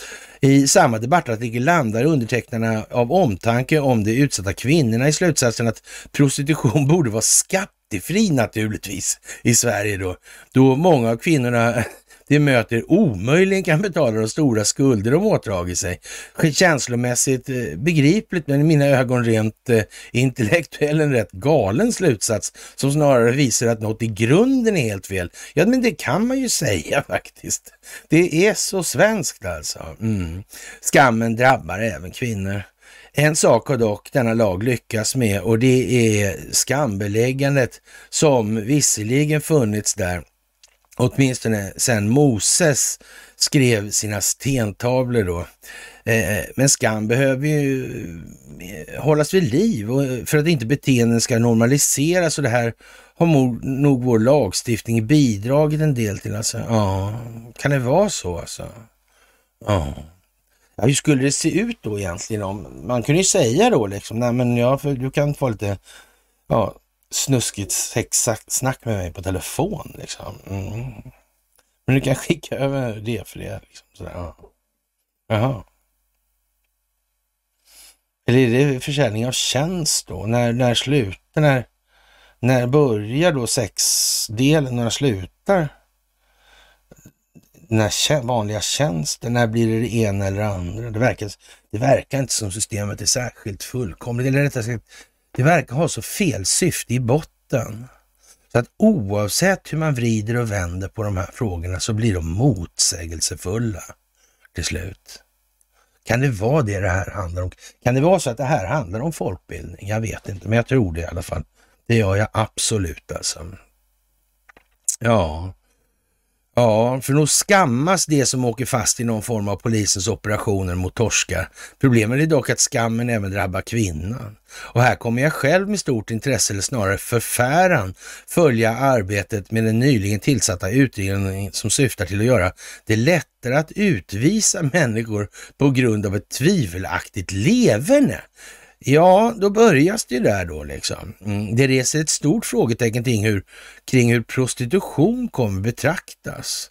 Kommer vår nuvarande lag fungera som skydd eller ska den prostituerades levande anses ohedligt och utgöra grund för ett indraget uppehållstillstånd? Ja, men eh, då lär de ju aldrig få tillbaka de här skattepengarna som de säger att de har rätt till. Ja, hur som helst sker det nog allt för ofta att de som stiftar våra lagar i första hand ser till vad de utåt vill signalera. Ja, det tror jag också. Vilken bild de vill ge av sig själva på något vis. Istället för att skapa bästa möjliga förutsättningar för den som är mest utsatt. Ja, ja det är märkligt det där. Det verkar sådär, äh, ja. Ja, konstigt alltså. Och ja, eh, ja, här avfyras Sveriges spjutspets i Ukraina. Det handlar om, eh, ja, korn alltså. Jag säga, det gör det ju inte. Eller jag gör det. Det vet man ju inte. Men jag vet så här, jag tror så här, fan vet i ljuset av motmedlens tid idag, alltså med avseende partikelinnehållet. Om det här inte är en teater-pjäs. För den har väl varit i ropet förr den där. Ja. Och det är ju en gammal dumper liksom. Ja. Så de har slängt upp en 77 på. Mm. Det är inte världens mest komplicerade grej alltså. Jävligt speciellt. Ja. Det här med neutralitet på sikt. Eh, och den roll som den reguljära militära verksamheten har börjat spela i förhållande till politiken inom ramen för folkbildningsprojektet gällande alltså den reguljära verksamheten i Ukraina, den ukrainska militären. Mm. De skulle väl bli ett neutralt land med Sverige som föredöme, ett avmilitariserat land, neutralt land som man hade avnazifierat. Mm. Det är lite konstigt. Det kan nog vara något speciellt med det här alltså. Mm. Ja, JAS kanske gör sig bättre vad det lider där. En sak är helt säker, att det finns mer lösa legoknektar i Ukraina än vad det finns här. Och i den mån de ens finns kvar, jag vet, det vet ju, eller det vet vi ju inte heller, men ja, som det verkar i alla fall, det måste ju vara åtminstone ge lite sken av att pågå någon verksamhet där. Mm. En bjässe och en maktmaskin, säger den ukrainske kaptenen Feder och väjsar 35 ton tungt fordon för SVDs utsända. I leran står ett exemplar av artillerisystemet Archer. För första gången provas nu den svenska kanonindustrins spjutspets i Ukraina. Och under den kalla isgrå himlen hörs salver från kriget. För snart två år sedan har krigets buller i princip aldrig tystnat i Kharkiv-regionen och ja, här har det rapporterats om hela byar som har raserats och soldaterna som stupat. Det är tusentals barn som har kidnappats. Mm, ja, det är ju ingen hejd på eländet i alla fall man förmedlar. Under hela tiden försökte eh, Fedirs kanonbesättning slå tillbaka vågor av ryska soldater med en 40 år gammal sovjetisk haubits. Tack vare Sverige har de nu uppgraderats avsevärt enligt honom. Ja, det här är något helt annat, säger Fedir. Maktmaskinen som den ukrainske kapten Fedir kallar det svenska artillerisystemet Archer med sina meterhöga hjul och bepansrade hytt står emot både splitter och kemiska attacker. Det är en dyrgrip värd mellan 50 och 100 miljoner kronor stycket och Sverige har skickat åtta Archer-system till Ukraina. Ja, men ukrainarna i den 45 brigaden som vi besöker fruktar också att det är en potentiell jakttrofé för ryssarna. Ungefär som de amerikanska långskjutande HIMARS-kanonerna. Alla har hört talas om det här Archer-systemen och eh, det har gjort dem politiskt värdefulla. Om ryssarna lyckas slå ut ett enda av dem så kommer det nyheten bara fara runt överallt, säger han kapten Fedi där som är opinionsbildningsstrateg också. Mm. Eh, vägarna är svårframkomliga vid den här årstiden. Förhoppningsvis är, är, då, är Archer någonting som ändå ska bidra till att rucka på stridslinjerna. Det system som SvD, som var första medier nu får se i krig, är väl dolt under kamouflage, kvistar och grenar. Sveriges försvarsmakt bekräftade den 14 november att systemen är på plats i Ukraina. Bakom den massiva hyttdörren som för tankarna till en flygplanscockpit försöker första operatören Dima skriva, beskriva känslan av att avfyra kanonen. Archer hyllas för snabbheten. Han imiterar hur han kastas bakåt i sätet av varje skott och i regel 2 till 18 åt gången. Man, man ska väl säga så här att artilleribekämpningskapaciteten nu gör väl eh, inte riktigt gällande. Det blir några 18 där man, räckvidderna räcker till alltså. Jag tror det. Det verkar vara en väldigt, väldigt upptrissad teater alltså. Nu är det nästan lite lite sån här Eva Rydberg och Nils Poppe-varning på det här. Faktiskt. Ja. Eh, ja, konstigt alltså.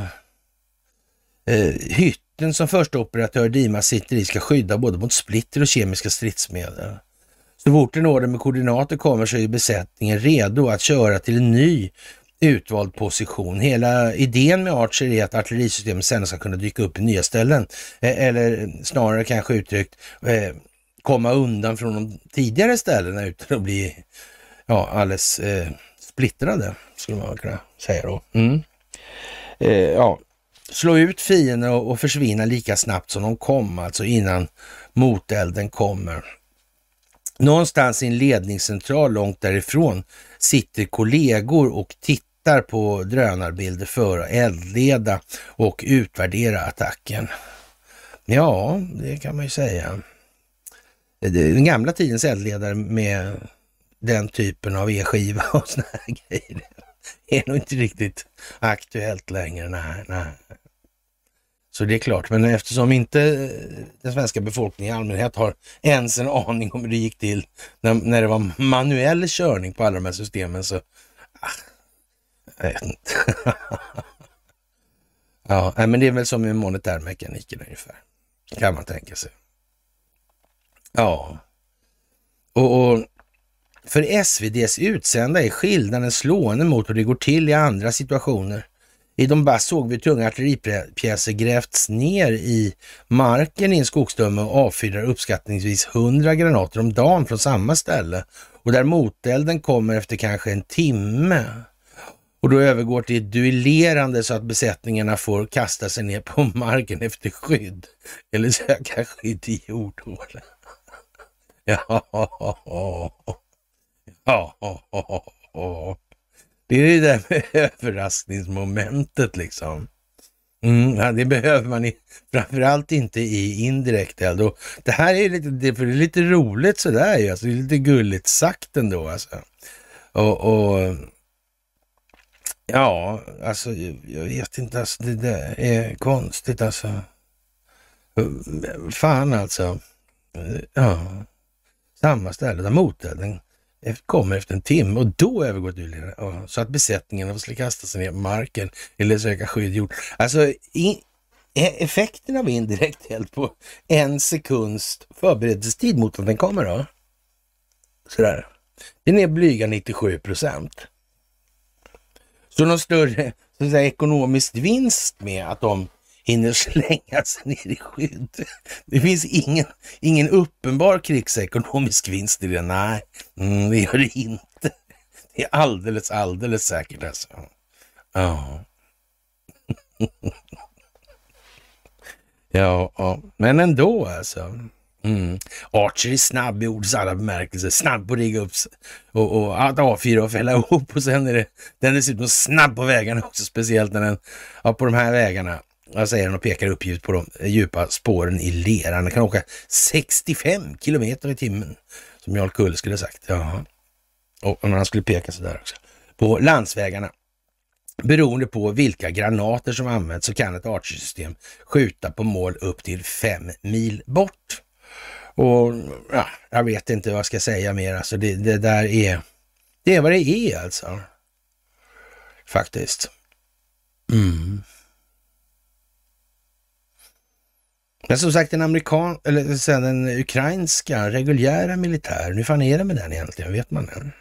Mm. Mm. Ja, det är så bara. Och eh, som sagt så var det bläckat och klart då med det här avtalet och 17 stycken ställen då. Ja, konstigt faktiskt. Men eh, Ja, det finns, det finns ju många artiklar om det där, men man har ju naturligtvis då eh, skaffat sig tillgång till bergen och, och, och eller Amfett som det heter nu och Bodens regementsområde, övningsområde, Halmstad, Härnösand, Kiruna, Kristinehamn, Kvarn, Luleå, Ravlunda, Revingehed, Ronneby, Såtenäs, Uppsala, Vidsel, Visby, Älvdalen alltså, skjutfältet. Mm.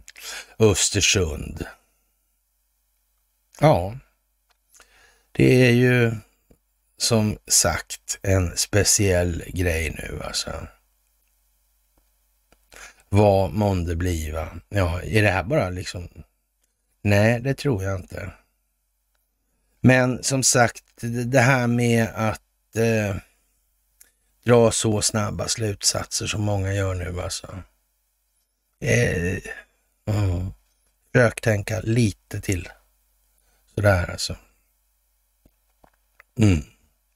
IF Medall, meda, med, medall, eh, metall skiter i Elon Musk till exempel, som vi tog upp Elon Musk förut då, och IF Metall då. Och mm, i en färsk intervju i New York Times utvecklar Elon Musk sitt resonemang varför han ogillar idén med fackföreningar. Eh, ja, han känner väl till Jimmy Hoffa, han känner igen Eriksson Hoffa eller Hoffa Eriksson också garanterat. Kan det vara ett planerat sedelärande exempel det här som man gör eller håller på med nu? Jag vet ju inte. Mm. Saltsjöbadsandan, vem fan låg bakom den alltså? Ja. Eller de var tvingade att ta det på sitt hotell. Då. Så inte? Nej, jag vet faktiskt inte, men det kan ju vara som det är alltså. Jag gillar inte något som skapar något annat i stil med herrar och bönder. Jaha. Jag tror att fackföreningarna naturligt försöker skapa en negativitet i företag sa Musk som hyllade arbetarna på Teslas fabriksgolv. Ja, Tesla har också eh, skrivit i kommentaren till Svenska Dagbladet att dess anställda har likvärdiga eller bättre avtal än de som omfattas av kollektiva förhandlingar. Ja, men Veli, Veli Pekka Säckale, eller Sekele, ja men, Veli-Pekka Sekele liksom, jaha. Ja men det var så. Ja, han tycker inte det stämmer i alla fall. Vi vet att det inte har samma pensionslösningar, arbetstidsförkortningar eller försäkringar som ingår i kollektivavtalet alltså. Ja, dessutom är det villkor som de anställda på Tesla har helt ensidiga och beroende av företagets goda vilja. Ja, så de får inte ens lägga ner om de inte vill alltså? Nej. Med kollektivavtal får de garanti att villkoren gäller även imorgon. Jaha. Eh, man kan ta till fler åtgärder också tydligen då. Eh, Svenska Dagbladet ställt frågan till representanter för TM Sweden hur de tror att det hela slutar, men bolaget har inte svarat. Veli-Pekka är optimistisk. Och om vi inte trodde att det skulle bli ett kollektivavtal så hade vi inte satt igång det här. Eh, så kul är det inte. Men ser, ser, ser läget låst ut? Eh, går inte det här, då får vi ta till andra åtgärder, säger Veli-Pekka. Ja. Men Velpekka liksom. Vi i Centerpartiet har alltid velat och kommer alltid att vela. Ja. Mm, det är så. Ja. Och eh, ja, vad fan ska man säga egentligen? Ja. I Rostock Rostek finns med i listan över världens största vapentillverkare, ryska Rostek alltså. Eh, Sam Rostek är lite chockad inombords och, och, och säger att igenkännandet eh, kommer därifrån de inte förväntar sig. Alltså det är det Sverige då, Stockholm International Peace Research Institute, SIPRI alltså. Det är ju konstigt det där med SIPRI. Jag vet inte vad han vill ha sagt riktigt. Ja. Och ja, och, och Joe Biden ställer upp i valet för han är inte säker på om han hade gjort det utan Donald Trump. Alltså, kan inte låta honom vinna helt enkelt. Och det, ja, vi får väl se helt enkelt vad som händer där. Terrorlarm i Sverige i alla fall och Sverige, Sverige målbild då, en perfekt storm. Ja, jag vet inte vad man ska säga om det där. Det, det är liksom som det är nu. Och i tiden förbi för mänskliga rättigheter i Svenska Dagbladet där Ja, jag vet inte vad jag ska säga faktiskt. Eleanor Roosevelt är på benen där, höll jag på säga, men på bilden där i alla fall. Och det kan man ju tycka är lite speciellt kanske. Mm. Sköna dollarns kyskhetsbälte har vi fått av Roosevelt. Hon kände den Roosevelt nämligen. Rätt så bra skulle man kunna säga. Hon var gift med honom. Mm. Kan det ha någonting med någonting att göra i de här sammanhangen? Ja, som sagt USS Iowa på bild, alltså BB61 där ja. Mm, det var det sista slagskeppet där som var i drift. Så hon var till och med inne i Östersjön och lät sig fotograferas med patrullbåten Hugin eller om det var Munin, det kommer jag inte ihåg. Ja, den ena var till vänster i alla fall, kommer jag ihåg, och det var inte Iowa. Mm. Stod alltså. Mm. Ja, ja, sex skäl, därför ser allt bättre ut för Putin nu. Det är konstigt också. Ja. Ja. Ja, jag vet inte jag. Vad man ska säga i det här. Det borde vara tydligare kan jag tycka. Men, men, det är som det är alltså. Och när det gäller då de svenska företagens eh, göranden eller låtande så är det ju liksom också som det är. De är underordnade rättssystemet och rättssystemet är till för att upprätthålla den här kulissen och så vidare och så vidare. Så här. Och, och, och sen håller det på. Va? Det är väl lite av modellen alltså. Jaha, och Scania vill se fler företag i Ukraina. Mm. Ukraina har så mycket pengar att betala med och de går inte att betala med vetet, så vilka pengar kan det röra sig om? Jaha, det är vi ger pengar till Ukraina som ger dem till Scania alltså. Eller kan man nästan säga så här, ni får inga saker om inte ni skickar pengar, så vi behöver inte skicka eller ja. Men, men klart, kickbacken måste ju gå, så det är bra. Som sagt, enorm risk för terrordåd i EU. Och ja, och Ukraina får inget mer efter jul helt enkelt. Som det verkar nu i alla fall. Det är ju som det är och eh, ja, jag vet inte vad vi eh, ska säga egentligen det här med den amerikanska situationen. Det är klart att den är ju spetsig något så ända in i helvete nu, alltså det är tillspetsat.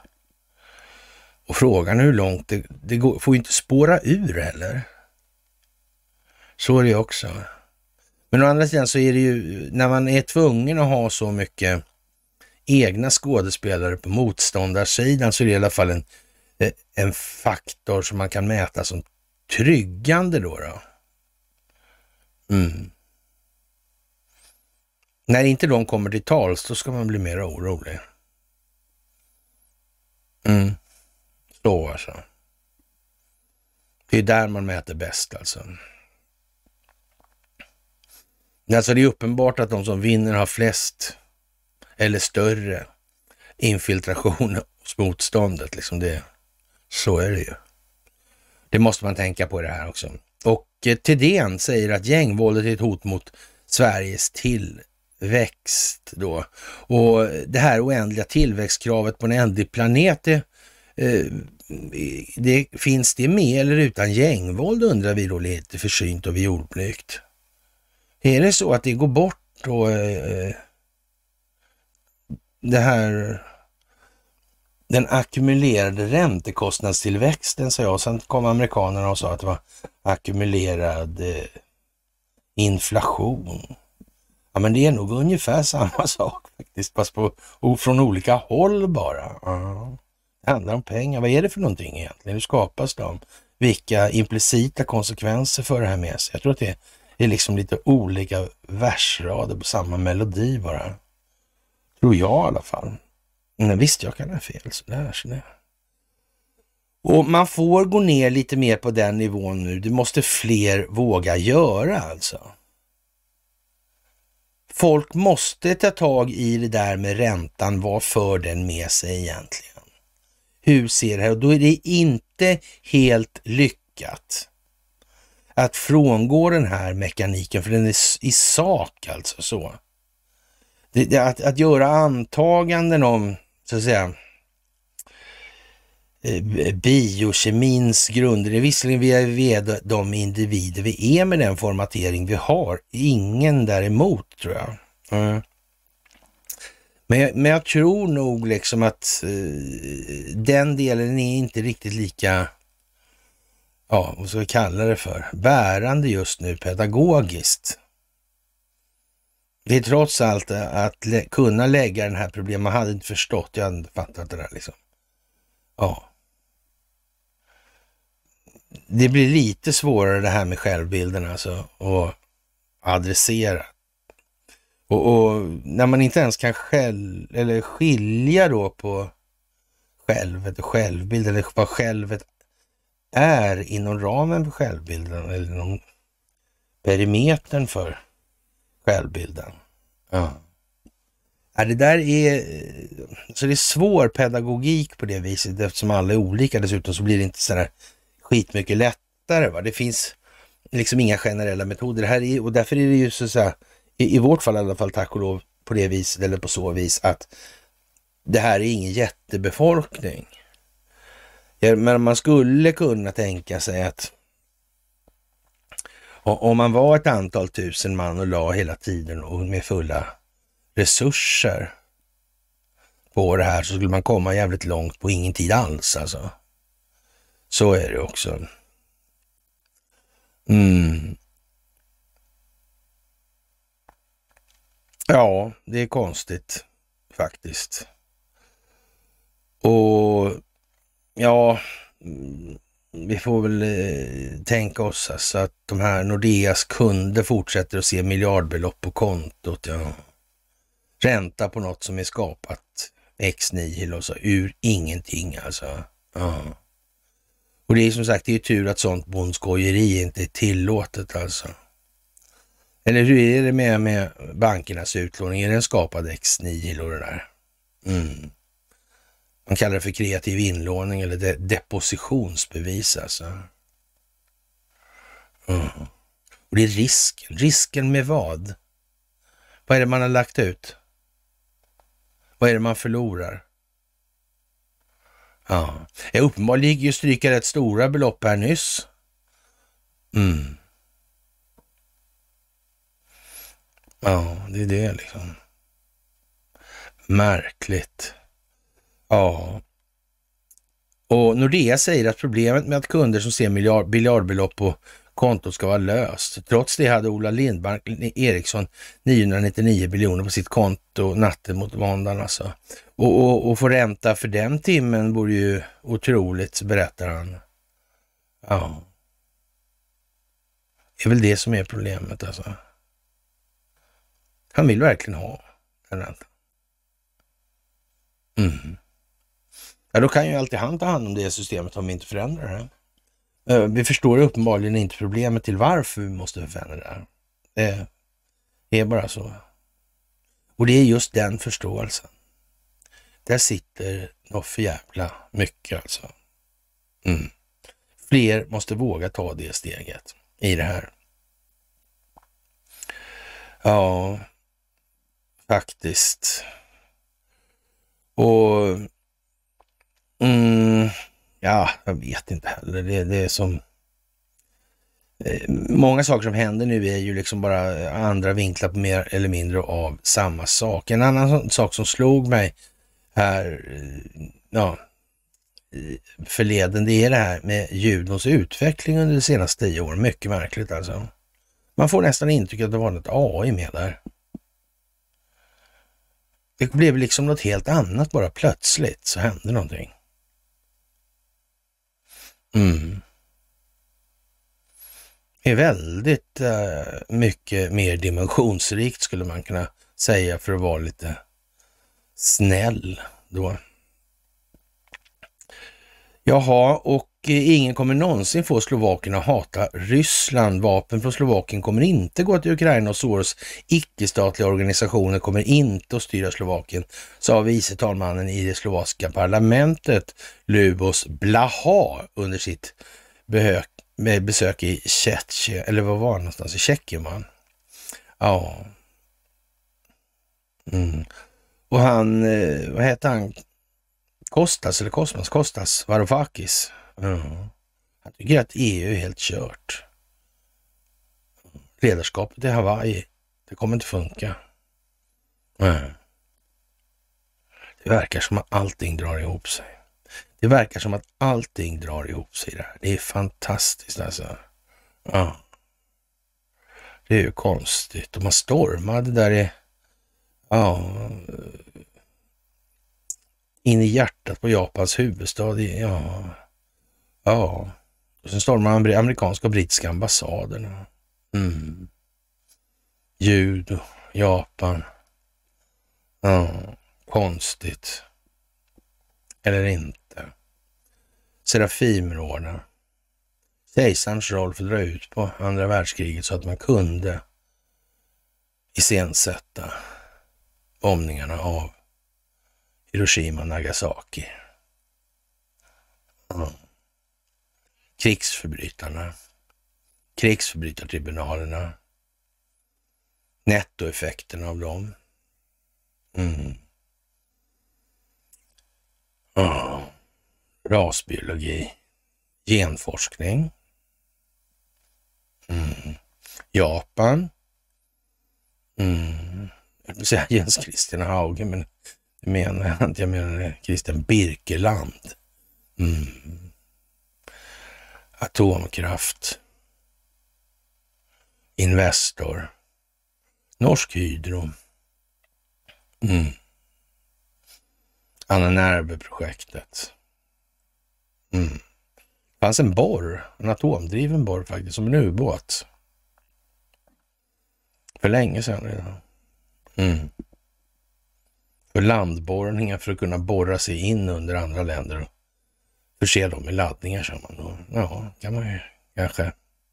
Men här hemma ställer Lasse Holm in vårturnén. Mm. Ja, och jag undrar vad man förväntar sig för resultat på den. Mm. Om jag tittar på kommentarerna på en sån grej just nu i det här skedet då så, ja. Victoria Blom säger, Se och Hör brukade ha sådana nyheter. Det är, eller nyheter, precis. Det är, och, och någon annan, det finns inget viktigare och intressantare, mer viktigt eller intressant att skriva om uppenbarligen, eller uppenbart. Mm. Ja,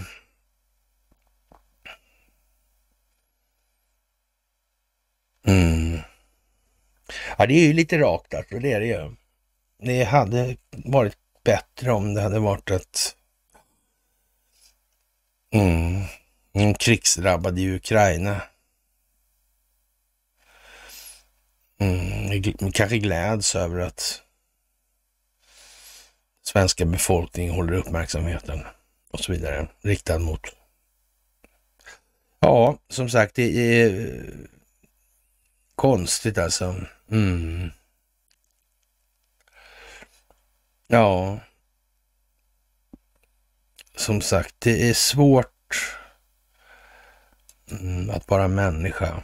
Ibland är det svårare än annars. Nu orkar vi inte prata om eh, Titanic idag va? Eller? Nej. Jag tycker att det är något helt otroligt, det måste jag säga faktiskt, just nu. Det är, jag kan inte säga det nog många gånger alltså. En del saker, som, väldigt, väldigt många saker är väldigt, väldigt bra, men det blir sådär halvsek när eh, så att säga, man måste tänka på vad är det fundamentala problemet och så måste man utifrån det fundamentala problemet då så att säga adressera de här eh, bieffekterna eller ja, vad vi nu ska välja att kalla dem för. Och, och, och så att säga, gå, man får liksom inte fastna på träden på det viset eller titta bara på ett träd så för då missar man hela skogen. Utan man får ta upp, höja blicken lite så man ser ut över vidden så man har tillräcklig omfattning på sitt betraktade perspektiv alltså. Mm. Det är så det är. Ja, kära vänner, det är piglördag. Det är varmt och skönt. Klimatuppvärmningen går på högvarv. Mm. Frågan är väl egentligen hur länge de har hållit på med sin eh, geoengineering och hur mycket av vår milda vintertid som vi har haft som har varit framprovocerad så att säga.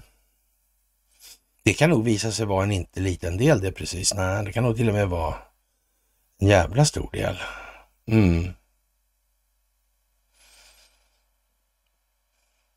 Naturen. Stor rackare. Funnits länge. Mm. Effektiv utvecklare. Mm. Ja. Det är inte illa, det är inte illa faktiskt. Det är en underbar tid att leva i nu. Det är det.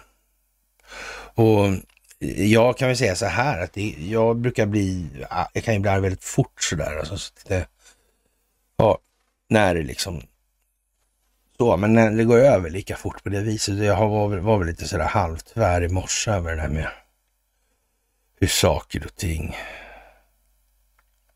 förhåller sig. Hur... Mm. Men det är klart att om man ska ha man anseende om att förstå det här korrumperade systemet och dess effekter över tid och från, låt säga vikingatiden till dagens läge, så bör man ju så att säga ha en historisk uppfattning om olika skeenden och förlopp. Ja.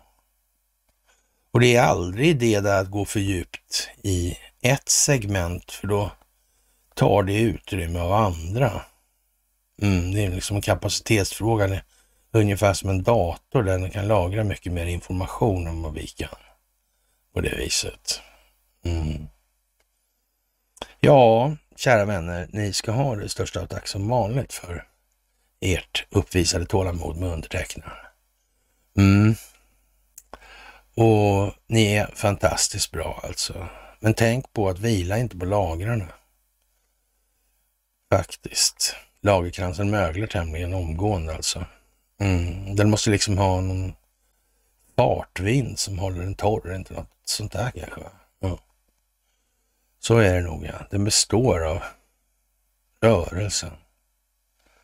Mm. Som sagt, det största av tack för allt ni gör i det här. Och eh, vi hörs senast på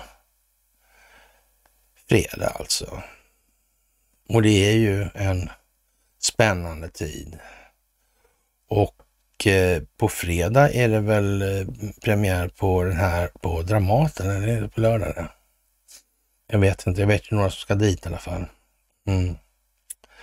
Spännande får vi se och eh, ja, en fantastiskt trevlig piglördagskväll önskar jag er och sen hörs vi senast på fredag.